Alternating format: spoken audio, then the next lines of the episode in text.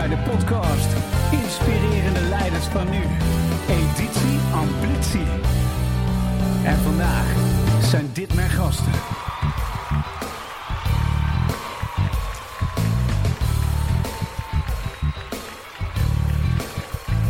Ja, editie Amplitie. En uh, ja, de Amplitie is prachtig iets. Dat wil zeggen, hij uh, verbetert het functioneren en welbevinden van je medewerkers op een consistente basis. Door aandacht te besteden aan bevlogenheid, vitaliteit, talentmanagement en workdesign. Plus inspirerende leiderschap.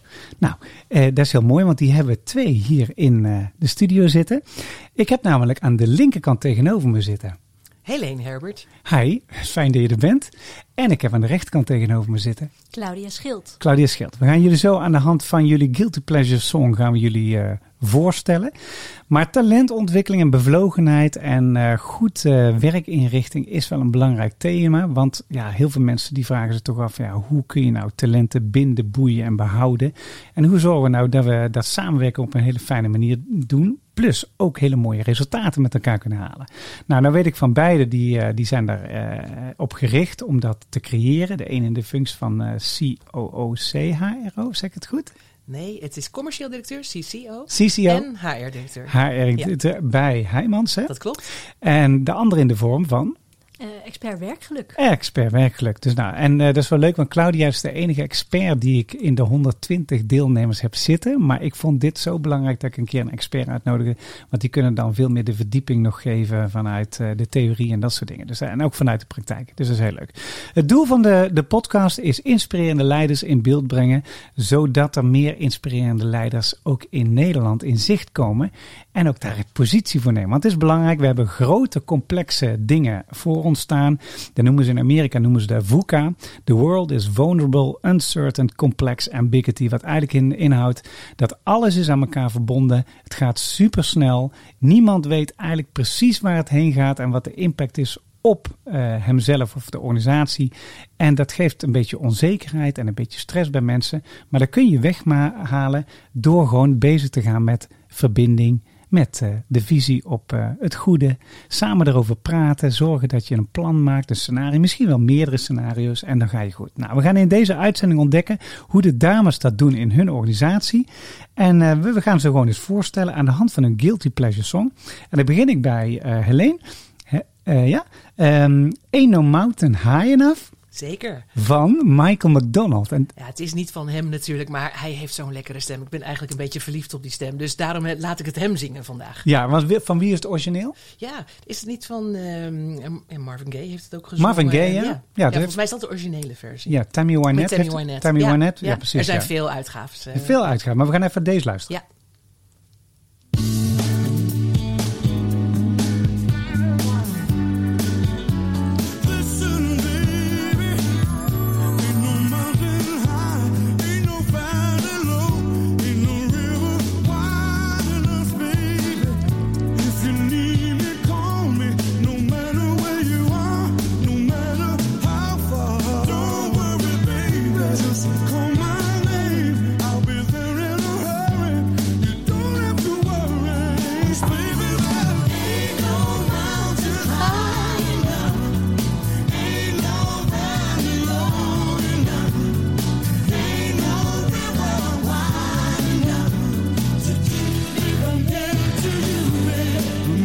Zit een enorme drive achter dat nummer. Hè?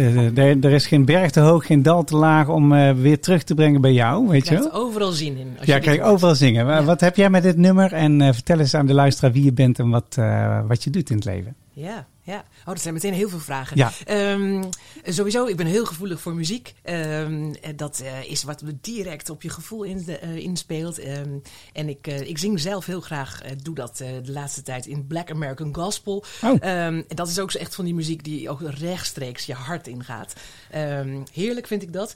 Ehm, ik vond dat iets te heftig om in deze podcast eh, mee te nemen. Nou ja. Maar de soulmuziek, de oude soulmuziek, is natuurlijk direct verbonden aan die, die, die flow van de Black American Gospel. Ja. Eh, dus ik ben gevoelig voor daar waar het je hart raakt. En Dat vind ik, wel, ik vind het wel heel geinig dat de, de jingle, want het is de nieuwe single die uitkomt. Ik breng altijd een single uit bij een podcast. Maar Ja. dat is, dat is eh, Black American Gospel Heerlijk. Minded. Met, met al die breaks erin. En, soort- ik hou ervan. en Ja. ik heb iemand opgezocht van, kun je me helpen om eh, deze rockmuziek te combineren met black gospel? Hij zei, ja joh man, dat kan ik. Fantastisch, fantastisch. Ja. Ja. En jij zingt dat ook zelf? Ik zing dat zelf, ben ook naar New Orleans geweest met een aantal zangmaatjes om daar te zingen. En heb inmiddels dus steeds beter het gevoel van, oh ja, het gaat niet om het liedje en hoe lekker die sound is, maar het gaat om de, de hele omgeving eh, waar je instapt en waarin je elkaar ziet staan, waarin je eh, hartverbindingen met elkaar maakt en, en elkaar door de dalen en door de hoogtepunten van het leven heen aan je zij voelt staan. Ja. Dat, dat is waar, daar hou ik van. Ik hou van communities. eh, en dat is wat ik in mijn werk denk ik ook iedere keer weer aan kan wijzen hoe ik dat daar voel. En dat maakt ook dat ik voor mijn werk belangrijk vind dat ik snap waar draagt dit aan bij, waar de samenleving beter van wordt. Ja. En met wie is dit zo tof om door eh, bergen en dalen, eh, om dit vol te houden, om hier hard voor te willen werken. Ja. En dan dat het niet voelt als hard werken, maar dat je voelt als van eh, lekker bezig zijn en echt iets doen wat ertoe doet. Ja. Nou, dat is allemaal wat, wat het bij mij aanroept als ik dit soort liedjes hoor. En ik hou er trouwens ook heel erg van dat je er dan een beetje dus die lol en dat plezier, dat je dat ook weer herkent. Ja. Ja, en, dat, en zo ken ik jou ook. De eerste keer dat ik jou eh, leerde kennen, want we hebben elkaar een keer ontmoet tijdens, de, tijdens een waardedag van Heijmans. En eh, eh, toen dacht ik al van, oh ja, dat is een inspirerende vrouw. Die heeft de flow te pakken. Hey, en jij zit in een dubbelrol, hè? Dat is ook uniek, of niet? Ehm, dat zal vast niet uniek zijn in de hele wereld, maar inderdaad, wat ik combineer is de rol van commercieel directeur. Dat moet je binnen Heijmans zien als een rol die eigenlijk vooral gaat over de vraag: wat is de maatschappelijke relevantie van het werk wat wij doen Ja. op de lange termijn? Ja. Dus het gaat niet over sales, hè, spulletjes verkopen. Dat doen wij sowieso niet zoveel vanaf een magazijn. Hè.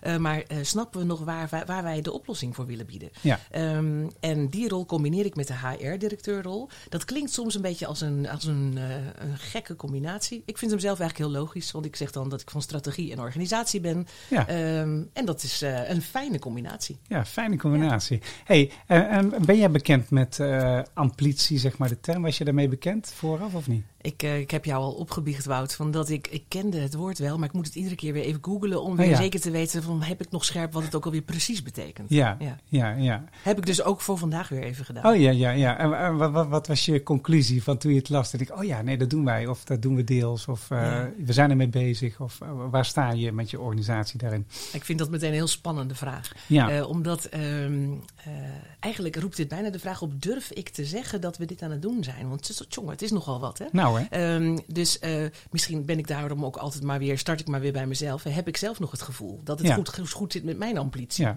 Hè, dus, dat is trouwens ehm, de helemaal de mindset van amplitie. Dat, dat is Ja, hem wel. Omdat amplitie begint bij iedereen. Ja, en, en, en dat is, raakt ook direct aan een stellige overtuiging die ik heb. Dat je dit niet kunt regelen voor andere mensen. Maar dat je wel besmettelijk kunt proberen te zijn in de wijze waarop jij dit voor jezelf eh, iedere keer weer recht probeert te zetten. Als het een beetje scheef loopt. Want het kan niet elke dag 100% zijn. Ja. Ehm, maar, maar ben je dan nog steeds eh, zo rustig in je hoofd en in je lijf. dat je weer kunt denken: oh ja, gaat een beetje mis. Ik ga morgen eens even dit weer doen. Ja. En eh, als je dat zelf voor elkaar krijgt, nou, dan word je zelf al een gezonder en Ja. blijer mens van. En ik ben er echt van overtuigd dat dat is wat je uitstraalt in, in je omgeving. Ja, en dat is ook eh, in amplitie. Heel veel mensen die koppelen het aan werkgeluk. Hè, want dat brengt ons bij onze tweede gast die daarin eh, gespecialiseerd is. Maar werkgeluk is nog even iets anders dan amplitie. Want eh, amplitie betekent als je het zou herdefiniëren, dan zou je zeggen, nou, het zit dus in het verhogen van de functioneren en welbevinden. En de emotioneel welbevinden zit eigenlijk in twee factoren. Er zit in sociaal welbevinden en psychisch welbevinden. Nou, daar heeft allemaal raakvlak met elkaar. Emotioneel welbevinden is gewoon ben je stabiel, in balans, eh, heb je energie, genoeg back, eh, backbone, zeg maar. En, en psychologisch wil, wil zeggen, ben je mentaal veerkrachtig en heb je ook positieve gedachten en zie je kansen. Maar dat wil niet zeggen dat je altijd gelukkig bent. Hè? Zo is het leven niet. En dat, volgens mij werkt dat met werkgeluk ook niet, niet zo, of wel? Ehm, nee, nee, zo werkt het niet. Nee, maar dus we gaan even ontdekken hoe het werkt. Je mag het zo even uitleggen. Hey, ehm, want ik stel jou voor aan de hand van jouw Guilty Pleasure song. Dat is Ja. Harry Styles, As I Was. En toen je het doorgaf, toen dacht ik, hè, die, die song ken ik niet. En in het begin kende ik ook niet, maar toen die hoofdtune te- kwam, toen Toen dacht kende ik, je hem wel. ik kende hem gelijk. Heel leuk. We want to say goodnight to you.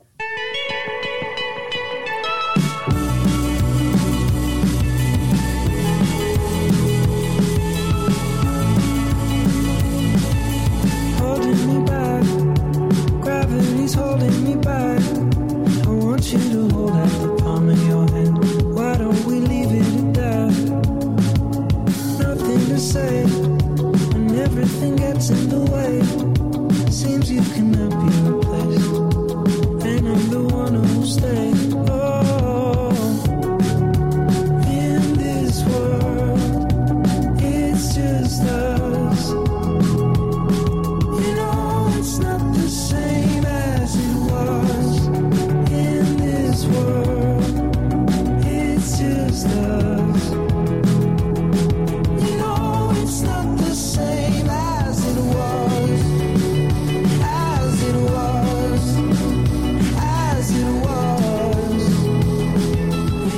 is altijd leuk als je de tekst meeleest, hè, van wat gebeurt er nou in die song. ik, Want ik zie je- jou helemaal meelezen met die tekst. Ja. Mooi. Ja. ja, maar het is wel leuk, want eh, hij wordt schijnbaar door zijn broertje geroepen of zo aan het begin van de song. Hè? Maar waar denk jij dat die song over gaat? Dat alles verandert. Dat Alles het niet verandert. meer is zoals het was. Ja, En ehm, toen jij die vraag stelde van, nou, noem ook even een, een, een guilty pleasure of een nummer waar je helemaal blij van wordt. Nou, ik had het er net al even over. Nou, dat, dat is iets waar je gewoon dagenlang over kan, eh, kan brainstormen welk nummer. En ik merk bij mezelf dat het heel erg afhankelijk is van de mood waar je zelf in bent. Nou, ja, dit is wat ik jou eh, heb doorgestuurd. Ehm, ik vind het sowieso een, gewoon een lekker nummer, weet je. Nou, eh, dat, maar ik vind Harry Styles ook geweldig. Harry Styles is zichzelf. ja. En met zichzelf zijn weet hij een geweldig publiek te boeien. Een, een wat jonger publiek dan, eh, dan ik zelf, denk ik. Ehm, maar hij brengt wel onderwerpen ehm, aan de kijk waarvan ik denk... oh ja, voor hem is dat eigenlijk geen onderwerp meer. Ehm, valt hij op mannen of vrouwen? Hij zegt zelf, ja, wat is dit voor achterhaalde vraag?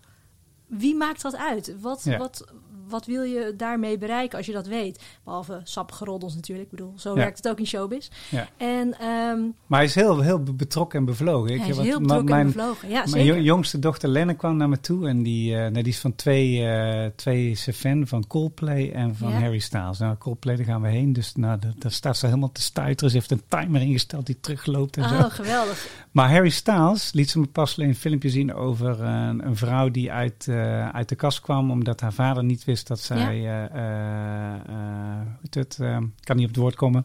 Ja, Eh, in ieder geval, je weet wat ik ja bedoel. ik weet wat. Eh, eh, was, zeg maar. En eh, dat omarmde hij wel op zo'n gave manier. En Ja. zoveel mensen inspireerde hij mee. Dat Ja. is echt fantastisch. Gewoon. Ja, nee, ik vind hem heel inspirerend. En ik vind het mooi hoe hij gewoon...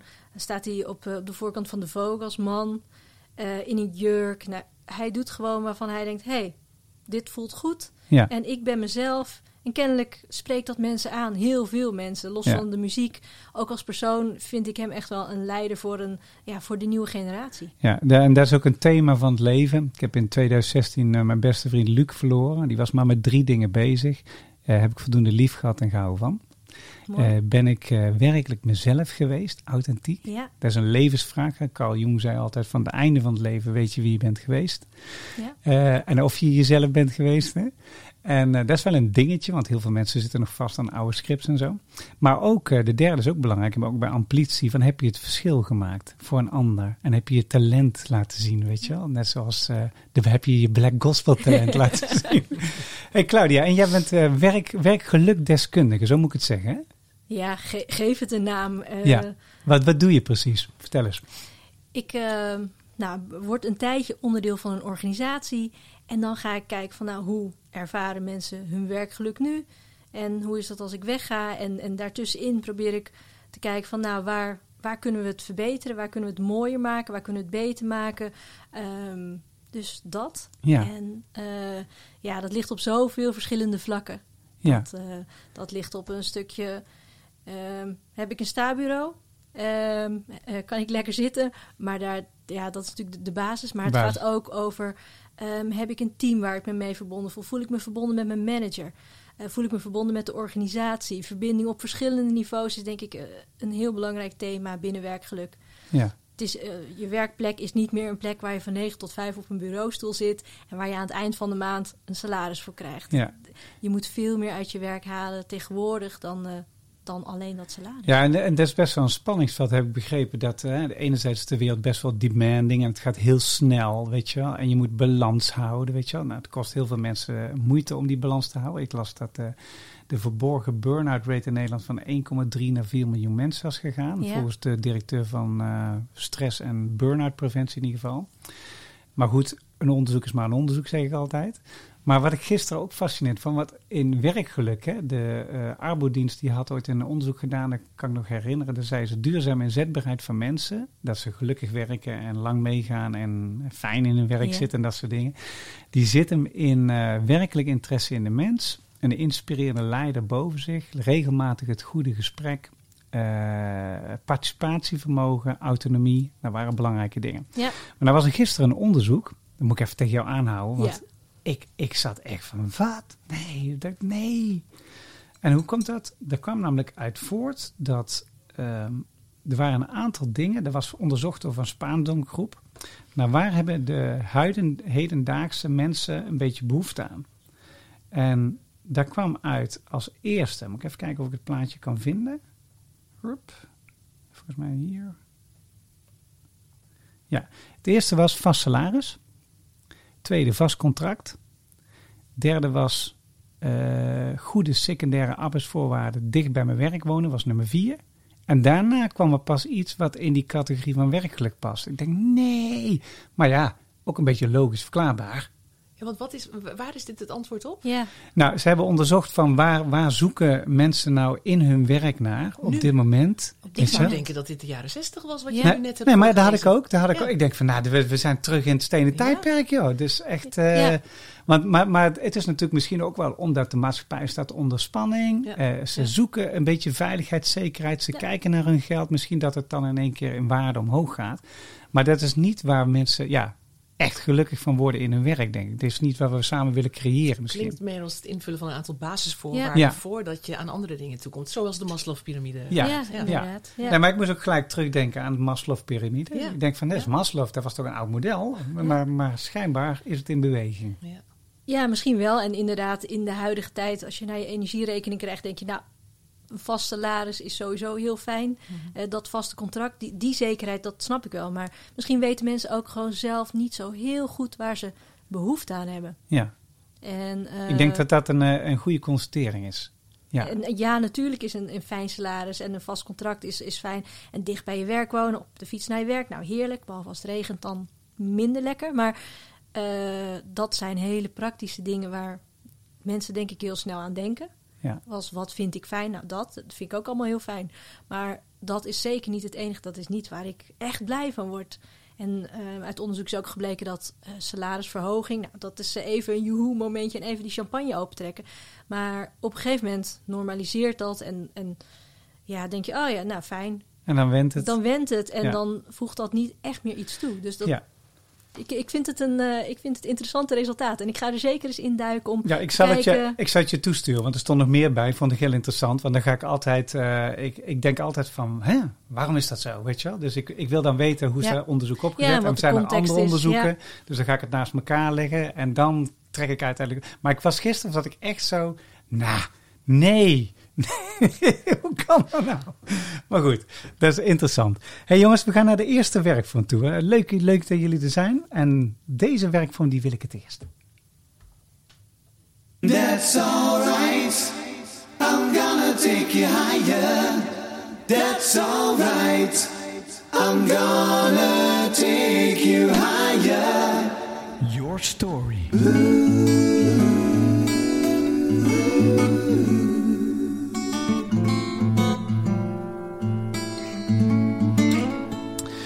Your Story.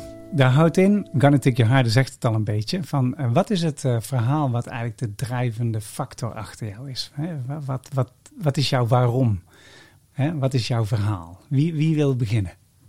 Zal- Ehm, Ja, zal ik beginnen? Ja, is ja, goed. prima. Ja? Nee, Ja, ja, helemaal goed. Eh, oh, dat is Ja. meteen... eh, Ja, ja. Dus, stil? dus, dus ik kan een beetje uitleggen, wat is je persoonlijke verhaal waarmee je, eh, ja, wat, wat eigenlijk jou drijft, maar ook vaak wat, wat een inspiratiebron is voor anderen en waar ze iets van leren of waar, wat je overdraagt of iets in die trant, zeg maar. Mhm. Hm. Want eigenlijk ehm, eh, denk ik dat ik daar net al iets over gezegd heb. Hè? Ja. Hoe, hoezeer ik gedreven ben door het besef van ehm, de community waarin Ja. waar je onderdeel van bent. Of persoonlijker, waar ik me onderdeel van voel. Ja. En ik denk dat het eigenlijk voor mij wel een soort levensvoorwaarde is om te voelen dat ik meedoe in een groep eh, die ik om me heen voel. En die groep voel ik vrij groot. Ja. En eh, ik denk dat eigenlijk in de loop van mijn leven dat die groep eh, waar ik allemaal zo naar kijk, dat die steeds kleiner is geworden. Dat, dat, dat, is het wijzer worden door desillusies. Hè. Dus in, to- toen ik jong was, wilde ik de hele wereld beter maken. Eh, eh, en eigenlijk ben ik er steeds meer achter gekomen. eh, van, oh ja, dat is sowieso een enorm arrogante opvatting. Alsof ik zou kunnen bedenken wat beter is. Ehm, het is bovendien ook niet te doen. Ehm, en ik heb ook steeds meer dus de waarde leren zien van wa- waar je wat kunt betekenen in een, in een iets kleinere omgeving. Ja. Maar die is bij mij dus vrij idealistisch gedreven. Ja. Ik heb eigenlijk continu in mijn hoofd van... oh ja, dit gaat het goed met de samenleving. Ja, En ehm, eh, die vind ik zo erg de moeite waard... dat ik er ook eeuwig geloof in zal houden. Dat Ja. dat is wat ertoe doet. En Ja. eh, wat, eh, waar we zuinig op moeten zijn. Ik wil daar heel erg mijn best voor doen. Ehm, en, ehm, en dan wat ik ervoor inzet, denk ik, is... en iedere keer weer proberen na te denken met een heleboel andere mensen... wat is nou een visie op wat dan op inhoudsniveau daarin relevant is...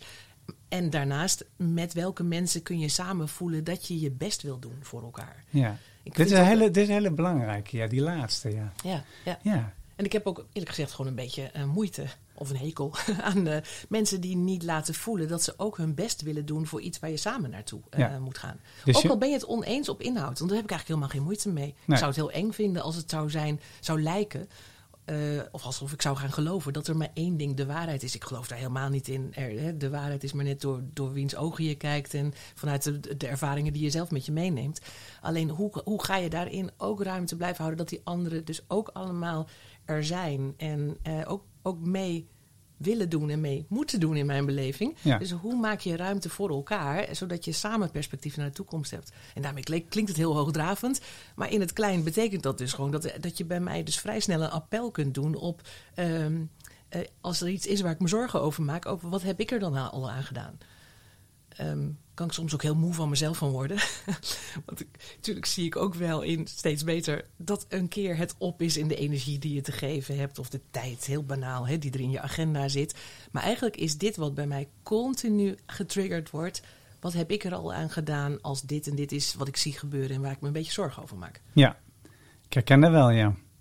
Ja, nee, ik, ik, heb dat, ik heb voor de eerste keer in mijn leven overwogen, en dat is een serieuze overweging om in de politiek te gaan. Oh, serieus? Omdat ik echt denk dat ik slagkracht kan maken. Ja. En niet bij een splinterpartij, maar bij Ja. een grotere partij. Ja. Maar is een beetje, ja, misschien wel niet eens eh, eh, omdat ik het politiek wil veranderen, maar meer dat ik mensen in communicaties met elkaar wil verbinden. Omdat ik, het, Ja. omdat ik de debatten zo polariserend vind. Interessant. Ja. Het is precies van wat, eh, wat mij ook al heel lang triggert. En waardoor ik ah ja, eigenlijk al vanaf mijn twintigste altijd zei... eh, als ik later groot ben, ga ik burgemeester worden. Dan zei ik eigenlijk nog concreter... dan ga ik burgemeester van Lochem worden. Niet, niet omdat dat per se zo belangrijk is... maar omdat je, hè, hoe concreter het wordt... hoe meer je er een verhaaltje bij, bij kunt Ja. vertellen. En dat gaat precies over wat jij zegt, Wout. Van dat ehm, het eh, zo... eh, beangstigend is hoe, hoe druk mensen soms kunnen zijn met elkaar willen overtuigen dat eh, de ander het verkeerd ziet. Ja, Ehm, want daar zit nooit de oplossing in mijn beleving. Ja. Dus hoe kun je eh, wel iets meer je best doen om te willen begrijpen, of te kunnen begrijpen hoe, waarom het zo logisch is wat de ander vindt, maar ook ruimte te vragen voor wat jij vindt. Dus kun je er iets positiefs naast zetten? ja ik had, ik had vorige week had ik een, een communicatieverschil met iemand. En eh, toen dacht ik, hoe ontstaat dat nou? Ah, dat heeft met verschillende wereldbeelden te maken. Ja. Dus eh, ik heb iets gezegd en hij heeft in zijn hoofd gedacht dat ik eh, dat anders bedoel. Toen stuurde ik hem een plaatje van de communicatiemuur. En die zei, bedoeld is niet hetzelfde als gezegd. Gezegd is niet hetzelfde als gehoord. Gehoord is niet hetzelfde als ik heb het begrepen. Begrepen is niet hetzelfde als ik ben akkoord. Akkoord is niet hetzelfde als ik heb het gedaan. Weet je wel? En, eh, en dat zat zowel bij mij als bij... Want hey, je moet, als je communiceert, moet je rekening houden... dat als je iets vertelt, dat het niet gelijk plain simpel is zoals het in jouw hoofd. Ik heb ook wel eens een plaatje gezien van twee mannen kijken naar een zes of een negen. Maar het hangt net aan de plaats af van Ja. waar je Ja. staat. Hoe het eruit ziet, helemaal grappig gewoon, ja. Oké, gave story, ja. En dat drijft je dus elke dag. Ja, Ja, zeker. en dus dat, die bereidheid en bevlogenheid en betrokkenheid en mensen daarvoor inspireren, dat is eigenlijk hetgeen wat je wil bereiken, zeg Ja, maar. ja, Ja, ja. ja. gaaf. Hey, en jij, eh, Claudia, wat is jouw verhaal? Ehm, ja, werkgeluk. Eigenlijk is mijn drijfveer... Ik gun iedereen werkgeluk. Omdat als je werkgelukkig bent... eh, je zoveel meer kan bereiken met z'n allen. Als iedereen werkgelukkig zou zijn binnen een organisatie... zou het allemaal zoveel beter gaan stromen. En zou je als maatschappij, denk ik, ook veel meer voor elkaar krijgen. En ehm, ik denk dat het een beetje ontstaan is op het moment dat ik... ehm, eh, een burn-out heb gehad, nou, dan eh, ben je alles behalve werkgelukkig. Dan eh, ben je al blij als je de volgende ochtend e- overleeft en je Ja. ene voet naast je andere voet uit bed kan zetten en de afwas kan doen. En dat was al een uitdaging genoeg. Dus dan kom je erachter dat ehm, werk zoveel meer is dan alleen je ding doen. Dat je uit werk ehm, een stukje zelfbeeld haalt. Eh, je haalt daar eh, Sociale vo- contacten? voldoening, sociale contacten. Je, je bereikt wat. Nou ja, de, de afwas doen vond ik niet echt iets bereiken. Dus ehm, nou, toen die burn-out uiteindelijk weer wat, eh, nou ja, wat gedimd was, dacht ik, ja, dat is zo zonde.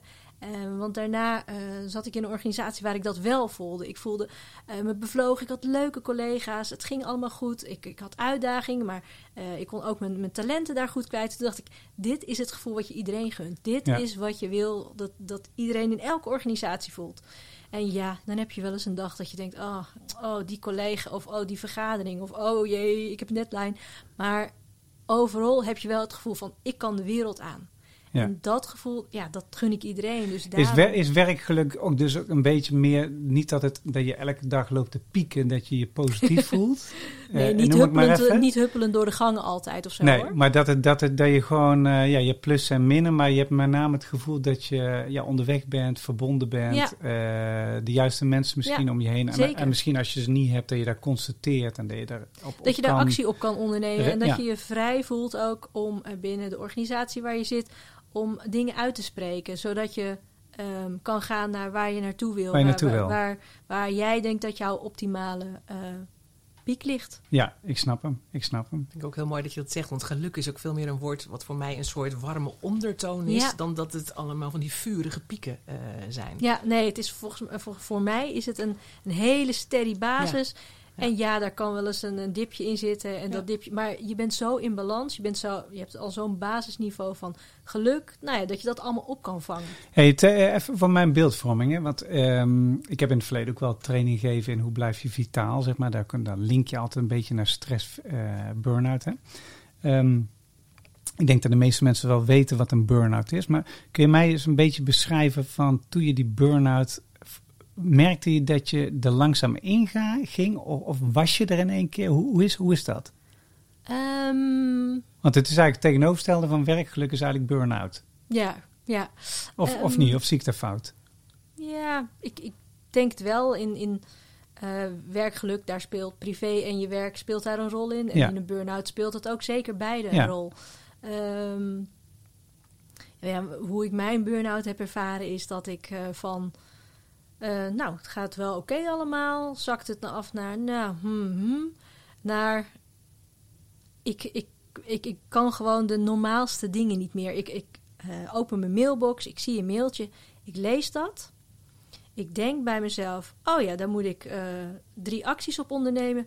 Maar het komt er gewoon niet uit. Nee, en je voelt, voel je dan ook een soort paniek of stress ontstaan omdat je het niet kan doen of zo? Ja, een knoop in mijn maag. Ah, echt ja. lichamelijke, eh, eh, lichamelijke klachten zoals zweten. Echt dat je achter die laptop zit en denkt... oh, ik voel nu zoveel stress. Ik kan dit zo niet handelen. En nou ja, op een gegeven moment doe je die laptop dicht. Want dan voel je gewoon, nou, dat, dat werkt niet. Nee. Je meldt je ziek. Je gaat naar bed. Je denkt, nou, hè, een week goed uitslapen. Dan zijn we er weer. Maar zo werkt het dus niet. Dat werkt niet. Nee.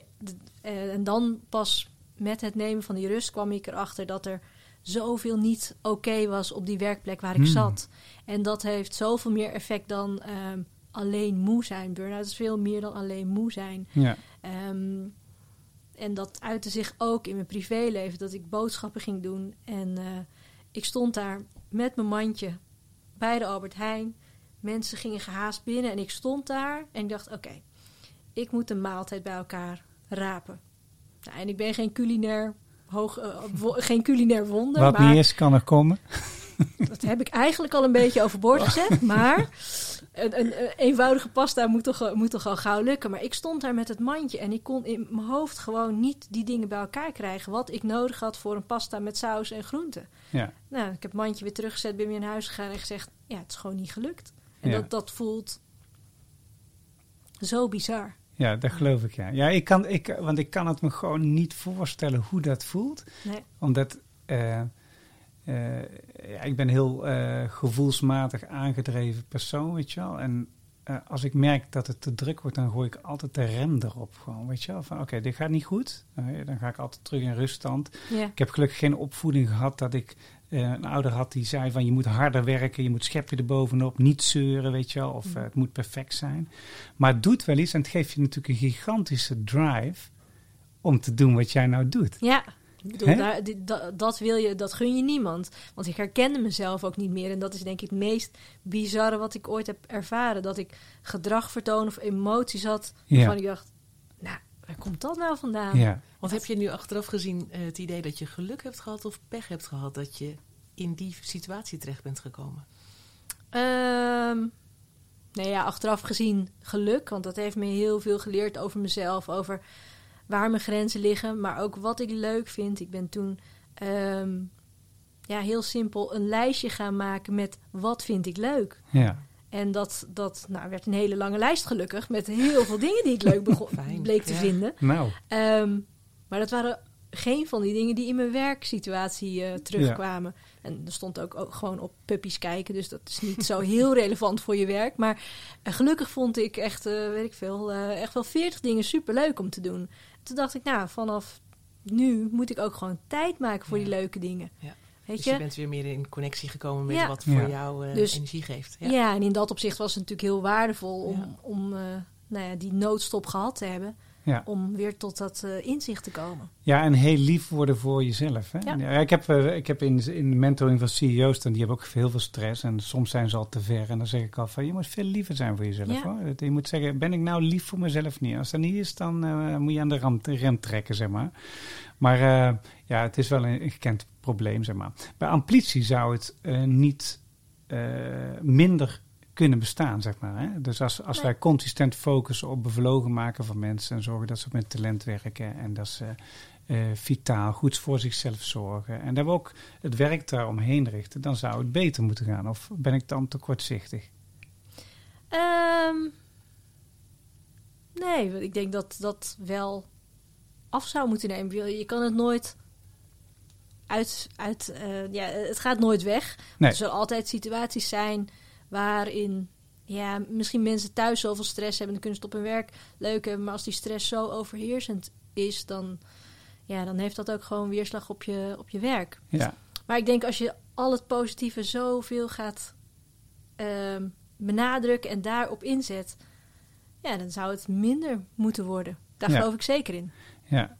En het, eh, wat ik ook begrijp uit je verhaal is dus dat het heeft, het heeft dus ook veel met zelfkennis te maken. Ja. Je, moet, je moet echt wel weten waar Dat je blij van ja. wordt en, en juist niet. En wat je stress kost en juist niet. En welke mensen je van houdt of juist niet. Vorige week was er een onderzoek geweest dat 50% van de relaties die mensen hebben, vriendschappen, Mhm. dat die juist energie wegzuigen in plaats van dat energie geeft. Dat is echt 50%. Oh, dat is 50% veel. hè? Dat vind ik Dus ook van een gemiddelde mens is 50% op één familie, vrienden, zuigt energie weg. Ja, Ja. Het is iets te veel. Dat is Ja. te veel, hè? Ja. Ja, ik hoop dus, niet dat eh, mijn vrienden straks denken, oh, misschien ben ik er wel een van. Maar Ja, nee, precies.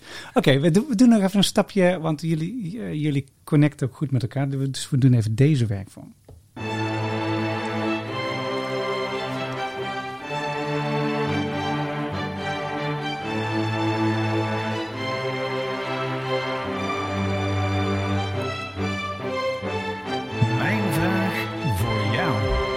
Vraag voor jou. En dit zijn de strijkers van de London Philharmonic. Die zaten in eh Hard-Headed Woman. In de, in de eerste eh, serie podcast. eh, de jingle daarvan en de single die uitkwam. Daar zat deze in. Helemaal grappig. Dus ik denk, ga, die ga ik gewoon gebruiken. Kan mij het schelen. hey, welke vraag heb jij voor Helene? Waar, waar, waar ben jij benieuwd naar voor jezelf of voor de luisteraar? Als het gaat om misschien het thema waar we net over spraken. Of misschien amplitie of iets anders mag ook. Waar ben je benieuwd naar? Wat zou je van Helene willen weten? Altijd lastig. Ehm, als het gaat over talenten managen en, en jouw talent optimaal inzetten. Ehm, wat zie jij als je grootste talent en hoe merkt de organisatie dat jij dat optimaal inzet? Zo, dat is een. eh, daar zou ik potentieel een avond En dankjewel. na kunnen denken. Inderdaad, dit is En dankjewel. het is een kroeggesprek waard. Nou, Ja. zeker. Wat zie ik als mijn grootste talent? Ehm, ik denk dat ik ehm, ehm, eh, met dat wat ik eh, eh, uitstraal mensen ehm, het gevoel kan geven dat eh, we echt samen naar een toekomst eh, bewegen. Zowel omdat eh, ehm, ik denk ik goed een perspectief naar de toekomst kan schetsen. Ehm, iets wat de moeite waard is om naar te verlangen. Ehm, en waar je ook van kunt voelen, oh ja, daar kan ik aan bijdragen. Dus ik mag meedoen richting dat eh, toekomstbeeld. Ehm, in combinatie met dat de ander zich, denk ik, gezien kan voelen eh, door mij. Dus ik, denk, ik weet niet of dat een talent is, maar in ieder geval is dat eh, denk ik een kenmerk van, eh, van eh, ho- hoe ik in mijn werk eh, eh, zichtbaar ben voor mensen. Op mijn goede dagen. Zeg, vul, vul, vul ik eraan toe. Ja. Want ehm, ja, er zijn ook echt dagen dat ik te gehaast ben. En Ja. dat ik achteraf eh, denk, jeetje, dit is gewoon helemaal niet wat, eh, waar ik in geloof. Dat, eh, dat, dat ik nu weer allemaal mensen heb rond laten rennen en lijstjes heb in mijn eigen hoofd had, die ik natuurlijk ook eh, daarmee aan anderen overdraag. Ja. Ehm, dit is, eh, dit is, hier zitten we mee op ramkoers. Hè? Ja. Dus, dus lukt me dit altijd? Nee. Maar al, hè, op mijn goede dagen denk ik dat mensen dit talent van mij eh, zien. En dat in die zin dat dit iets is waar mensen eh, zich charmant door mij naar een, in een bepaalde richting willen laten Ja, eh, mooi. leiden. Of willen meegaan in een Ja. bepaalde richting. Ehm, en eh, dan was je tweede, je aanvullende vraag was, denk je dat, dat de organisatie dit ziet van jou? Ja. Hè? Ja. ja. Nou ja, eigenlijk heb ik daar dan misschien toch al antwoord Mhm. op gegeven. Eh, niet altijd.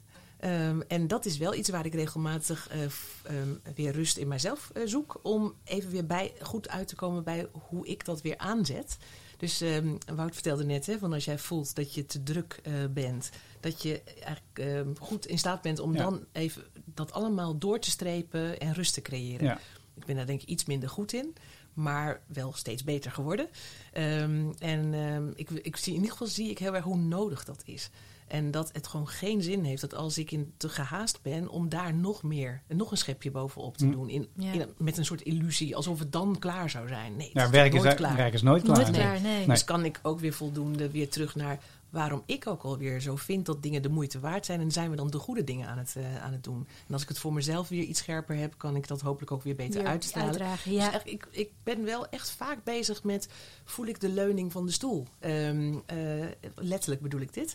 Eh, in overleggen. Want op de momenten dat dat niet zo is, zit ik waarschijnlijk veel te hard te werken en te duwen. Oh, dat is grappig. Eh, ja, dus ik heb daar ook een vrij fysieke beleving bij Ja. in mijn hoofd. Of een, een wensplaatje. Ja. Hoe het is als het goed is. Anouk Laguet deed, deed het ook. Die vertelde dat ze, en die zat met Robin. En eh, die, die vertelde, Robin doet het door eh, wandelingen te maken met eh, coaches. En dan gewoon regelmatig de natuur in, de, de polder in te gaan. Maar Anouk die zegt dat ze elke morgen voordat ze de werk begint. En wordt ze opgehaald in de limousine. En dan voordat ze begint, doet ze de sokken uit. En dan stapt ze met de blote voeten op het gras. Oh ja, En dan gaat ze letterlijk aarden. En dan stapt ze de auto in. Eh, Echt mooi ritueel. hè? Heel mooi. Ja. Ja. Dus de aarde doen heel veel mensen op hun eigen manier. Ik eh, kan, moet ook in één keer denken aan Rutger eh, van Nauwhuis, eh, van de CEO van Citibank.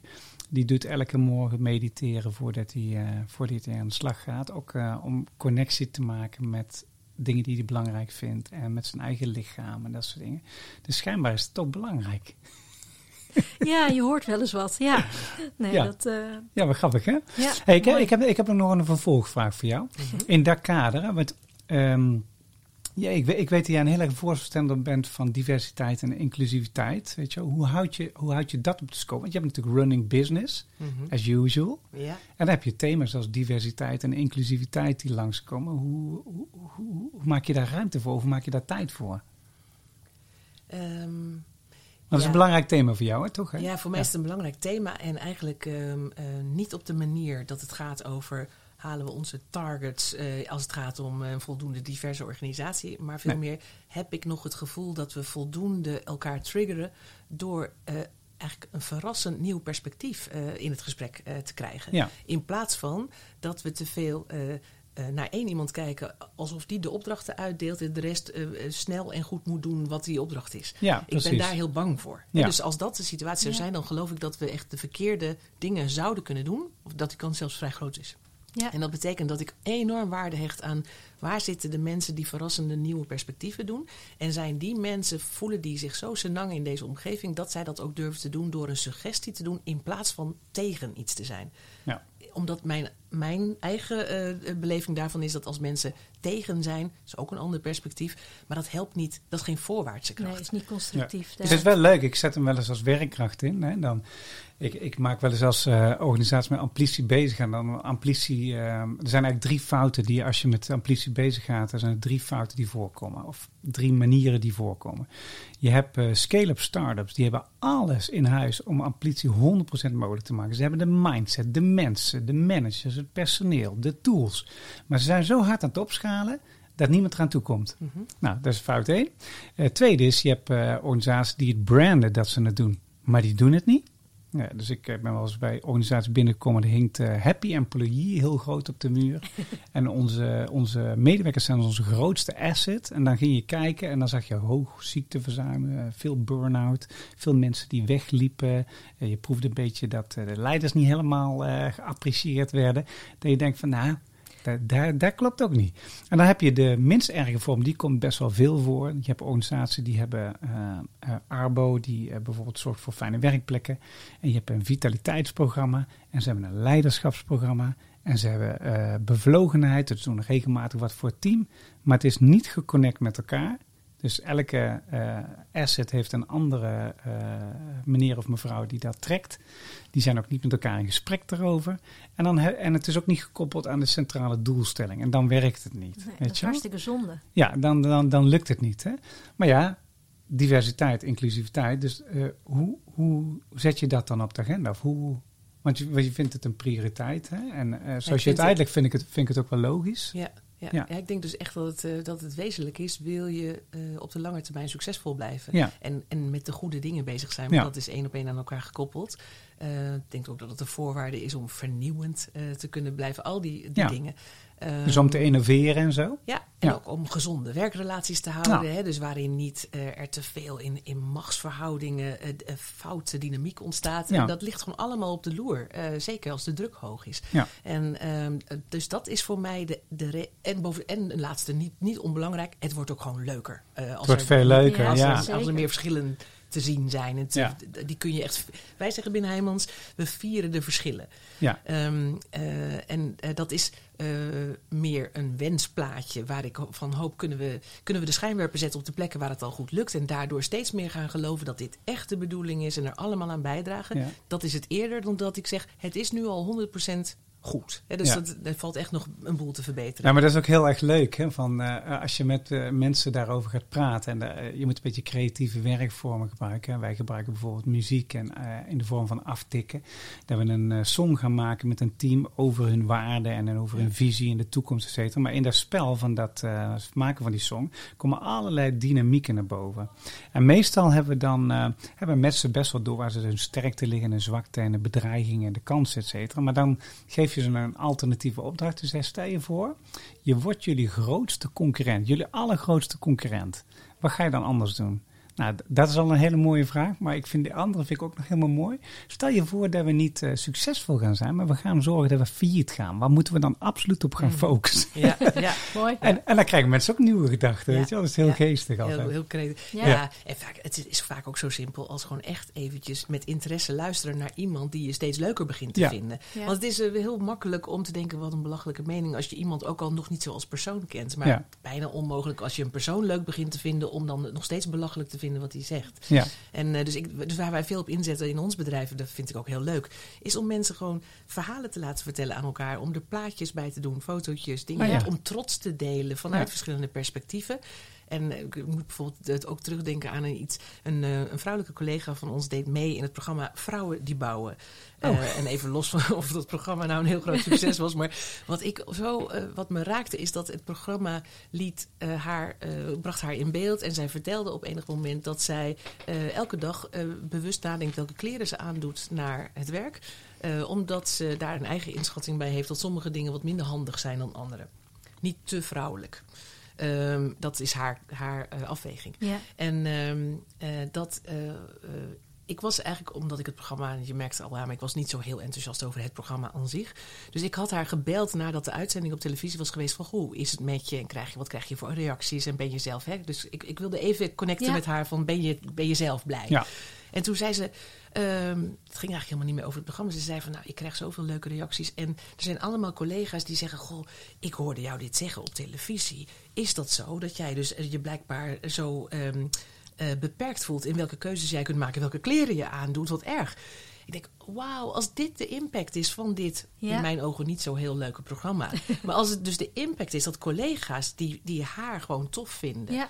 als die denken, wat erg dat jij hier je dus beperkt voelt. Ehm, en als dit het gesprek wordt, nou dan 100 punten. Ja, Ja. prachtig. Ja, Ja. Dus verbinden met elkaar om het. eh, En, en, en dan is de vorm misschien niet zo eh, de intentie geweest van die vorm, zeg maar. Maar dat mensen met elkaar in gesprek gaan en erover gaan praten. dan zijn we en- er. Ja, ik ik denk geloof het er ook. heel erg in dat je daarmee namelijk Ja. elke dag weer kansen hebt om nieuwe inzichten op te doen. En dat dat dus niet verpakt zit in een programma met een Nee. doelstelling. En, en, Nou, je kan het ook nog een beetje theoretisch onderbouwen met de onderzoek. Ze hadden eh, in Nederland, wij zijn de nummer 1 in demotiveren van ons personeel. Dus 68,2% volgens Hayes Group vond dat hij een demotiverende leider had. Eh 5% was eh, inspirerend, 10% coachend en de rest neutraal. Met wat nuances waar je dan zit natuurlijk, hè, want eh, dat moet er wel bijgezegd worden. Maar in COVID-tijd, dat vond ik wel frappant, was het gestegen naar 71%. Dus het is omhoog gegaan. En waar zat dat nou in? Dat eh, leiders hebben en managers hebben schijnbaar moeite om eh, met hun personeel te praten over, joh, je zit alleen thuis. Hoe gaat het Ja. eigenlijk met je? Of, hé, hey, je hebt kinderen nou thuis. Lukt het wel met die eh, Mhm. werktijden? Of moeten we even, moet ik je ergens helpen? Weet je wel? Dus, dus die persoonlijke gesprekjes en, en ook interesse hebben in die mens achter die professional, dat was de reden dat eh, mensen dat ervoeren. Ja. En toen dacht ik van, oh, dat, nou, daar ligt dus een kans. Zeker. Ja, dus zeker. verbinden met elkaar da- en in gesprek gaan met elkaar en elkaar ook horen en dan naar elkaar luisteren. Elkaar laten uitpraten. Dat doen we overigens met eh aftik ook altijd. Dan geven we mensen de stok en degene die de stok heeft, die mag praten totdat die uitgesproken is. En dan mag iemand anders praten. Maar je mag er niks over vragen, je mag niks over zeggen. Je moet luisteren van wat hoor je bij de ander, weet je wel. En de ander mag zo compleet mogelijk vertellen. Nou, dat is hartstikke mooi. Gun ik veel mensen in de maatschappij. Ja. Ja, hè, maar dan komt ook inderdaad, dan wordt het ook niet meer target gedreven. We moeten Nee. deze target Nee. hebben van diversiteit en inclusiviteit. Ja. Dan gaat dit, het. dit gaat echt over, eh, zie je de ander en, en wil je je best doen Ja, voor, elkaar. En eh, overigens vind ik het ook altijd fijn als het, dus, eh, als het gaat over leiderschap, dat het niet alleen is van leidinggevende naar medewerker. Nee. Maar dat de medewerker ook een beetje zijn best wil doen Ja. voor een leidinggevende. is ook een mens. Die Ja. ook Ja. gewoon een eigen opdracht in het bedrijf Ja. heeft. Ja. En ik, daarmee wordt het ook zoveel meer een samenwerkingsrelatie. Ja. Waarin je elkaar probeert te helpen om, om samen dingen te bereiken. Nou, dat is nog wel goed eh, te vertellen over amplitie. Want amplitie, dat, betekent vermeerderen, versterken in het Latijn. En het doel is dus functioneren, welbevinden verhogen. En het zit hem dus in talentmanagement, bevlogenheid, vitaliteit, werkinrichting en leiderschap. Die vijf. Maar inderdaad, eh, het is een beetje zoals ik vroeger altijd talentontwikkelingsprogramma doen. Daar zei ik altijd, mensen hebben geen talenten, mensen zijn talenten. En als je mensen talenten, eh, hun talent zijn in werking, in motion gaat zetten, dan gaan die mensen in beweging. Dat doe je door te praten, door boeken te lezen, met elkaar eh, talenten uit te wisselen. Nou, je kan van alles verzinnen hoe je dat doet. Job rotation, noem maar op. Eh, maar dan vervolgens, die mensen die komen samen in het team. En al die mensen zijn met hun talent zijn in werking. Nou, dan ontstaan er succesvolle teams. En succesvolle teams maken succesvolle organisaties. Nou, waar gaat het in eh, veel gevallen mis? Wij zien namelijk ehm, eh, talenten of mensen niet als. We hebben het altijd over human capital. Onze human capital hebben ze het vaak over. Maar als je kapitaal, als mensen werkelijk menselijk kapitaal zijn, dan betekent dat je daar tijd, geld, energie, aandacht in moet steken om dat te laten groeien. En wat je dan niet moet denken van nou, hey, training kost geld, reiskosten kost geld, werkplek kost geld. Ja, dat kost allemaal geld, maar dat moet niet de mindset zijn. En eh, het is ook niet zo dat het bepaald is dat de hoogste baas moet, eh, moet het, eh, de richting geven als ambitie worden ingezet, want dan mislukt het. Het is iets van iedereen, iedereen mag erover meepraten. En als jij iemand ziet en je denkt oh, die is niet helemaal bevlogen, die ga ik eens een zetje geven, dan zet je eigenlijk ambitie in werking. Dus dat klopt. Het is iets van het geheel. Nou, en dat vind ik mooi. dat vind ik helemaal te gek. Zijn we toch weer bij de community, hè? Zijn we toch weer bij de community? Ja, dat is wel leuk hoor, want die community is een van de skills van de toekomstige leiders. Hè? Community building. Ook bij servant leadership zit dat er ook bij. Dus empathie, luisteren, wederkerig luisteren, eh, community building. Standvastig zijn in de centrale koers die je doet, maar flexibel kunnen meebewegen. Eh, mensen in hun talent faciliteren, bij elkaar zetten. En vooral dat vanuit het plaatje van wat betekent voor mij, voor het team, de organisatie, de maatschappij, het grote geheel. Mooi. Ja. En die. Ja. Hè, dus nou, dat, dat klopt wel aardig. Oké, eh, eens even kijken. Ehm, en bij jou? Eh, was ik al bij jou geweest? Even kijken. Ja, de, Ja, de ik vraag had bedoel de je vraag nog, kwam, eh, ja. die, die kwam van mij. Ja, die was Ja. voor jou. Maar heb je ook een vraag voor haar? Ja, Ehm, ik ehm, ben heel benieuwd, Claudia. Want ehm, als het gaat over werkgeluk eh, en daar waar eigenlijk mensen door een ondergrens kunnen zakken, eh, dat het gewoon niet meer zo goed met ze gaat, ehm, heb ik eigenlijk als ik terugfilm in mijn eh, leidinggevende ervaring best meerdere momenten gehad dat ik bij mensen zag aankomen: dit gaat niet goed. En dat ik bijna me machteloos voelde. Hoe kan ik iemand helpen om weg te blijven bij die ondergrens? Je zou zo graag soms een reddersrol willen spelen. Eh. Maar misschien ben ik wel steeds meer ook... eh, probeer ik te accepteren dat het misschien niet lukt om andere mensen te redden. En dat ze toch echt zichzelf moeten redden. En mijn vraag is eigenlijk... ehm, kun jij vanuit jouw expertise aangeven wat eh, je als omstander het beste kunt doen om mensen te helpen om hun werkgeluk te vinden als ze al lekker in hun vel zitten vanaf dat punt, hè, dus naar next level, Ja. maar ook en ook op de momenten dat ze eigenlijk bijna door het ijs gaan. Ja. Ehm, ja, zeker. Ja, het, het bijna door het ijs gaan is altijd inderdaad, dat wil je voorkomen. En ik denk dat het goede gesprek voeren, echt op structurele basis, ehm, want het is een hele langzame sliding scale. Ehm, het helpt heel erg als je als manager je team goed kent. Ehm, als je weet hoe mensen zijn als ze lekker gaan. En dan zie je vanzelf ook wat er, dan verandert er iets. Ehm, als ik naar mezelf kijk, als ik niet zo lekker in mijn vel zit, dan communiceer ik minder goed. Ehm, dan reageer ik net wat later op mails. Ehm, en dat zijn dingen die je misschien als manager ook wel ziet. Natuurlijk, we missen allemaal wel eens even een mailtje. Maar als je over een paar weken ziet, hé, hey, daar, daar gebeurt iets. Ehm, ga dan het gesprek aan. Zeg van, hé, hey, het valt me op dat. Is er iets wat ik voor je kan doen? Eh, dat helpt heel erg, denk ik. Ehm, Dus wat- op consistente basis gewoon Echt, gesprekjes voeren met elkaar. ja. En elkaar een beetje leren kennen, weet je wel. zeker, Van dat- Hoe is iemand en hoe is iemand in flip en in flow. Ja, ja echt, die, echt die connectie met, eh, met mensen, die verbinding. Ehm, weten, weten waar iemand blij van wordt, maar ook waar iemand niet blij van wordt. Dus eh, voor hetzelfde geld komt er een nieuwe collega bij waarvan je denkt, ja, dat is niet helemaal mijn type. Moet ik daar nou echt eh, vier dagen mee, mee samenwerken? Dat helpt gewoon. Je team echt goed kennen. Dan, dan herken je gewoon dingen.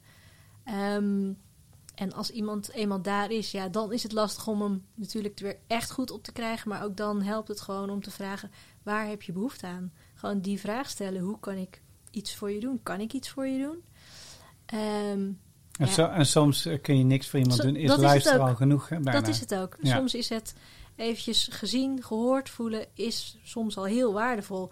En daar putten mensen misschien ook al gewoon, eh, ja, dat ze denken, oh ja, ik hoef het niet alleen te dragen. Er is iemand die ervan weet.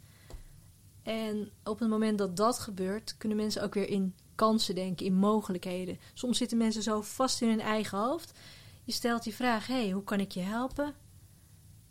Dan ontspant dat lichaam en denken mensen, oh ja, nou, ik ben niet alleen.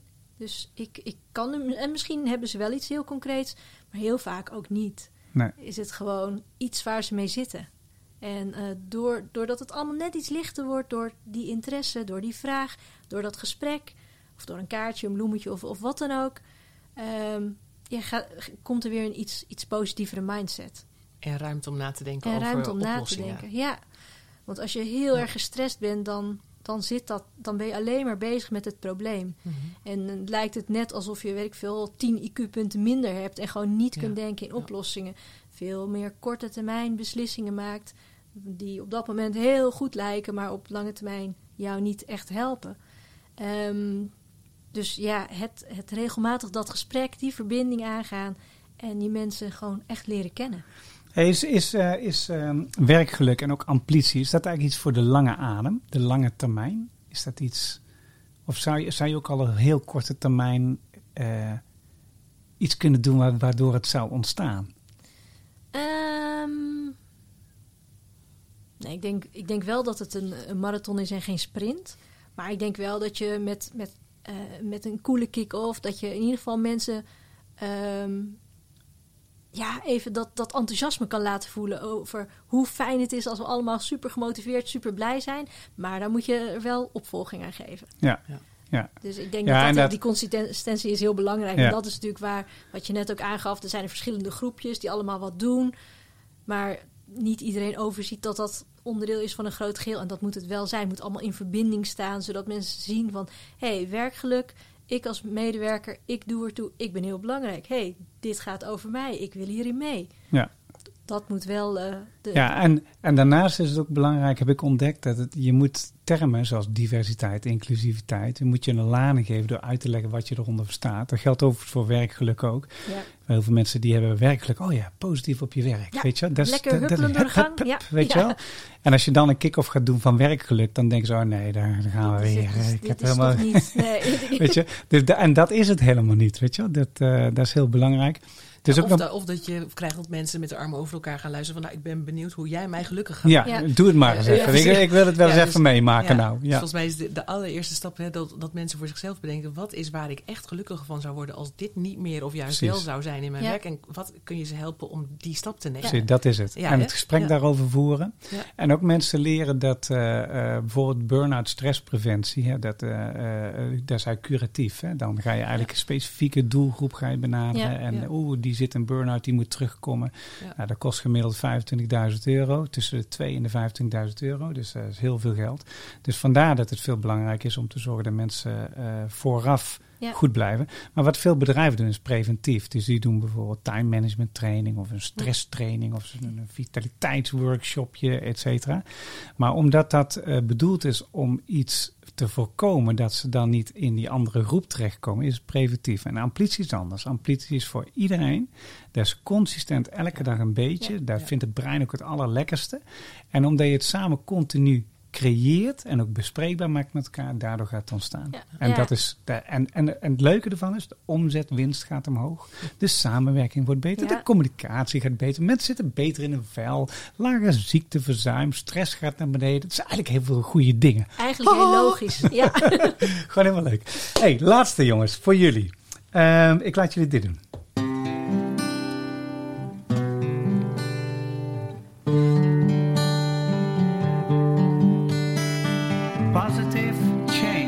Positive change.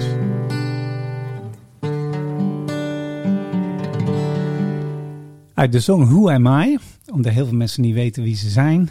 En daar heel belangrijk is bij amplitie te weten wie je bent en wat je belangrijk vindt en waar je op aangaat en ook waar je op uitgaat. En hoe je dat kan voorkomen en hoe je dat in een goede setting creëren. Dat was die song. Even kijken. Ehm, positive change.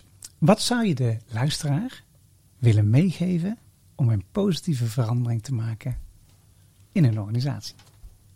Hmm. Wat is de les? Ehm, ik zou iedereen aanraden om een, een, een bepaald filmpje te kijken. Misschien, heb, misschien kennen jullie het. Het is van eh, de Deense tv. All That We Share. Ja. Ik vind het echt geweldig. Het is een, eh, een filmpje wat eh, ja, mensen in eerste instantie in hokjes stopt.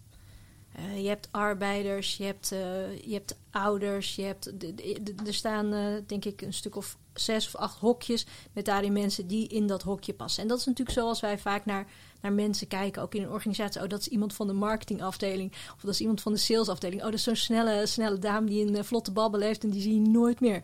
Of dat is zo'n IT'er, oh, die kan echt niet communiceren. Dat, weet je, dat zijn allemaal beelden die we hebben en, en ook in organisaties en, en nou ja, in het dagelijks leven zien we mensen in hokjes. Nou, dat hebben ze daar ook gedaan. En dan gaan ze in het, eh, op het hoofdpodium is één groot vak. En dan gaan ze vragen stellen. Wie van jullie heeft er eh, op zijn werk laatst deze week gelachen? Nou, dan gaan er natuurlijk heel veel mensen in dat hok staan. En steeds worden de vragen intiemer, intiemer. persoonlijker. Ja. En dan stappen mensen ehm, uit hun eigen hokje en stappen naar een hokje ehm, ja, wat ze gemeenschappelijk hebben. En ik vind het echt geweldig om te zien. En wat doet het? Dus Het- in die groep, zeg maar, die dat... eh, In die groep, ja, la- laat het zien dat, dat we allemaal mensen zijn. ah, En dat we zoveel, dat we inderdaad meer delen dan dat we verschillen. ja. En dat, eh, ja, dat, dat vind ik echt mooi. ja, mooi. En kijk ook zo eens naar inderdaad die IT-collega of die eh, collega die eigenlijk eh, altijd met zijn koptelefoon eh, op zit. Weet je, maak er bewust tijd voor, leer iemand kennen. Dat, dat, geeft dat geeft heel veel voldoening, maar dat geeft denk ik in een organisatie, nou ja, die di- diversiteit, dat geeft echt een boost aan je organisatie. Mooi. Ja. Dankjewel. Mooi.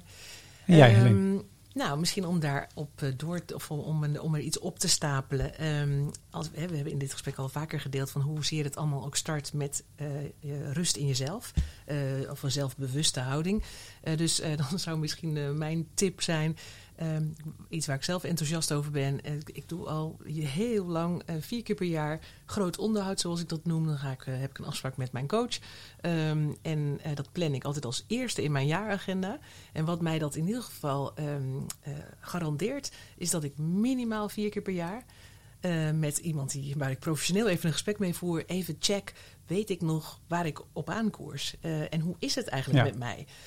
En natuurlijk hoop ik dat eh, iedereen, ook ik, dat, dat je dat niet alleen maar vier keer per jaar jezelf afvraagt. Maar laten we eerlijk zijn, er zijn best veel tijden in het jaar dat je voorbij race aan dit soort vragen. En ehm, het heeft mij in ieder geval iedere keer ontzettend veel ehm, eh, backbone gegeven. Hè? Dus even weer ruggengraat op, eh, gaat het goed met mij? Wat kan ik daar zelf eh, aan doen? En dan gaat het altijd over een combinatie van werk en dingen die gewoon in je leven spelen. Ja, mooi. Ehm, het feit dat je op die manier continu zelf regie blijft houden, Juist. is voor mij een voorwaarde om, om gelukkig te kunnen blijven. Absoluut. Ja, ik geloof er ook in. Helemaal. ja, ja. zeker. Ja, ik ook. Ja, mooi hoor. Dankjewel voor jullie, eh, voor jullie verhalen. Dus je kan zeggen, ja, eh, dit is een podcast die draaide om hoe maak je ruimte voor jezelf en voor elkaar. Ehm, als je teruggrijpt op wat je al hebt gedaan, daar kun je van leren. Dan heb je een veilige basis. Je vooruit gaat kijken, daar zit veel onzekerheid. Maar de kern is toch wie ben je? Waar haal jij werkgeluk uit? Eh, met wie wil je dat werkgeluk creëren? En wat ga je dan precies denken? Dat is niet een consistent, dat is niet een eenmalige actie. Dat is een consistent gesprek met elkaar van, eh, van collega's naar elkaar toe. En daar zit geen hiërarchie in, heb ik begrepen. Dus dat is heel belangrijk. Dus inclusiviteit en diversiteit en thema's als werkgeluk. Het is belangrijk dat ook de basis van wat verstaan we daar samen over in het goede gesprek met elkaar gaat ontstaan. En dan kom je erachter dat je veel meer met elkaar deelt dan dat er verschillen zijn. Ik dank jullie wel voor jullie komst. Dank in de volgende eh, podcast zit Harco van Ude van ITG, een eh, travel eh, company. die ontzettend innovatieve man. En Laura Koster van Gomez, eh, de Mercedes-importeur uit Noord-Holland. Ehm, heel leuk gesprek wordt ook dat weer. In de tussentijd, benut je nummer 1 talent. Leef met bezieling en laat geen moment ge- ongemerkt voorbij gaan om het samen met anderen te doen. Want dat is het mooiste wat erin is. Stay tuned in onze podcastserie over inspirerende leiders. En we sluiten af als vanouds, dat doen we altijd, met de song die iedereen eigenlijk nodig heeft. De Song for the People.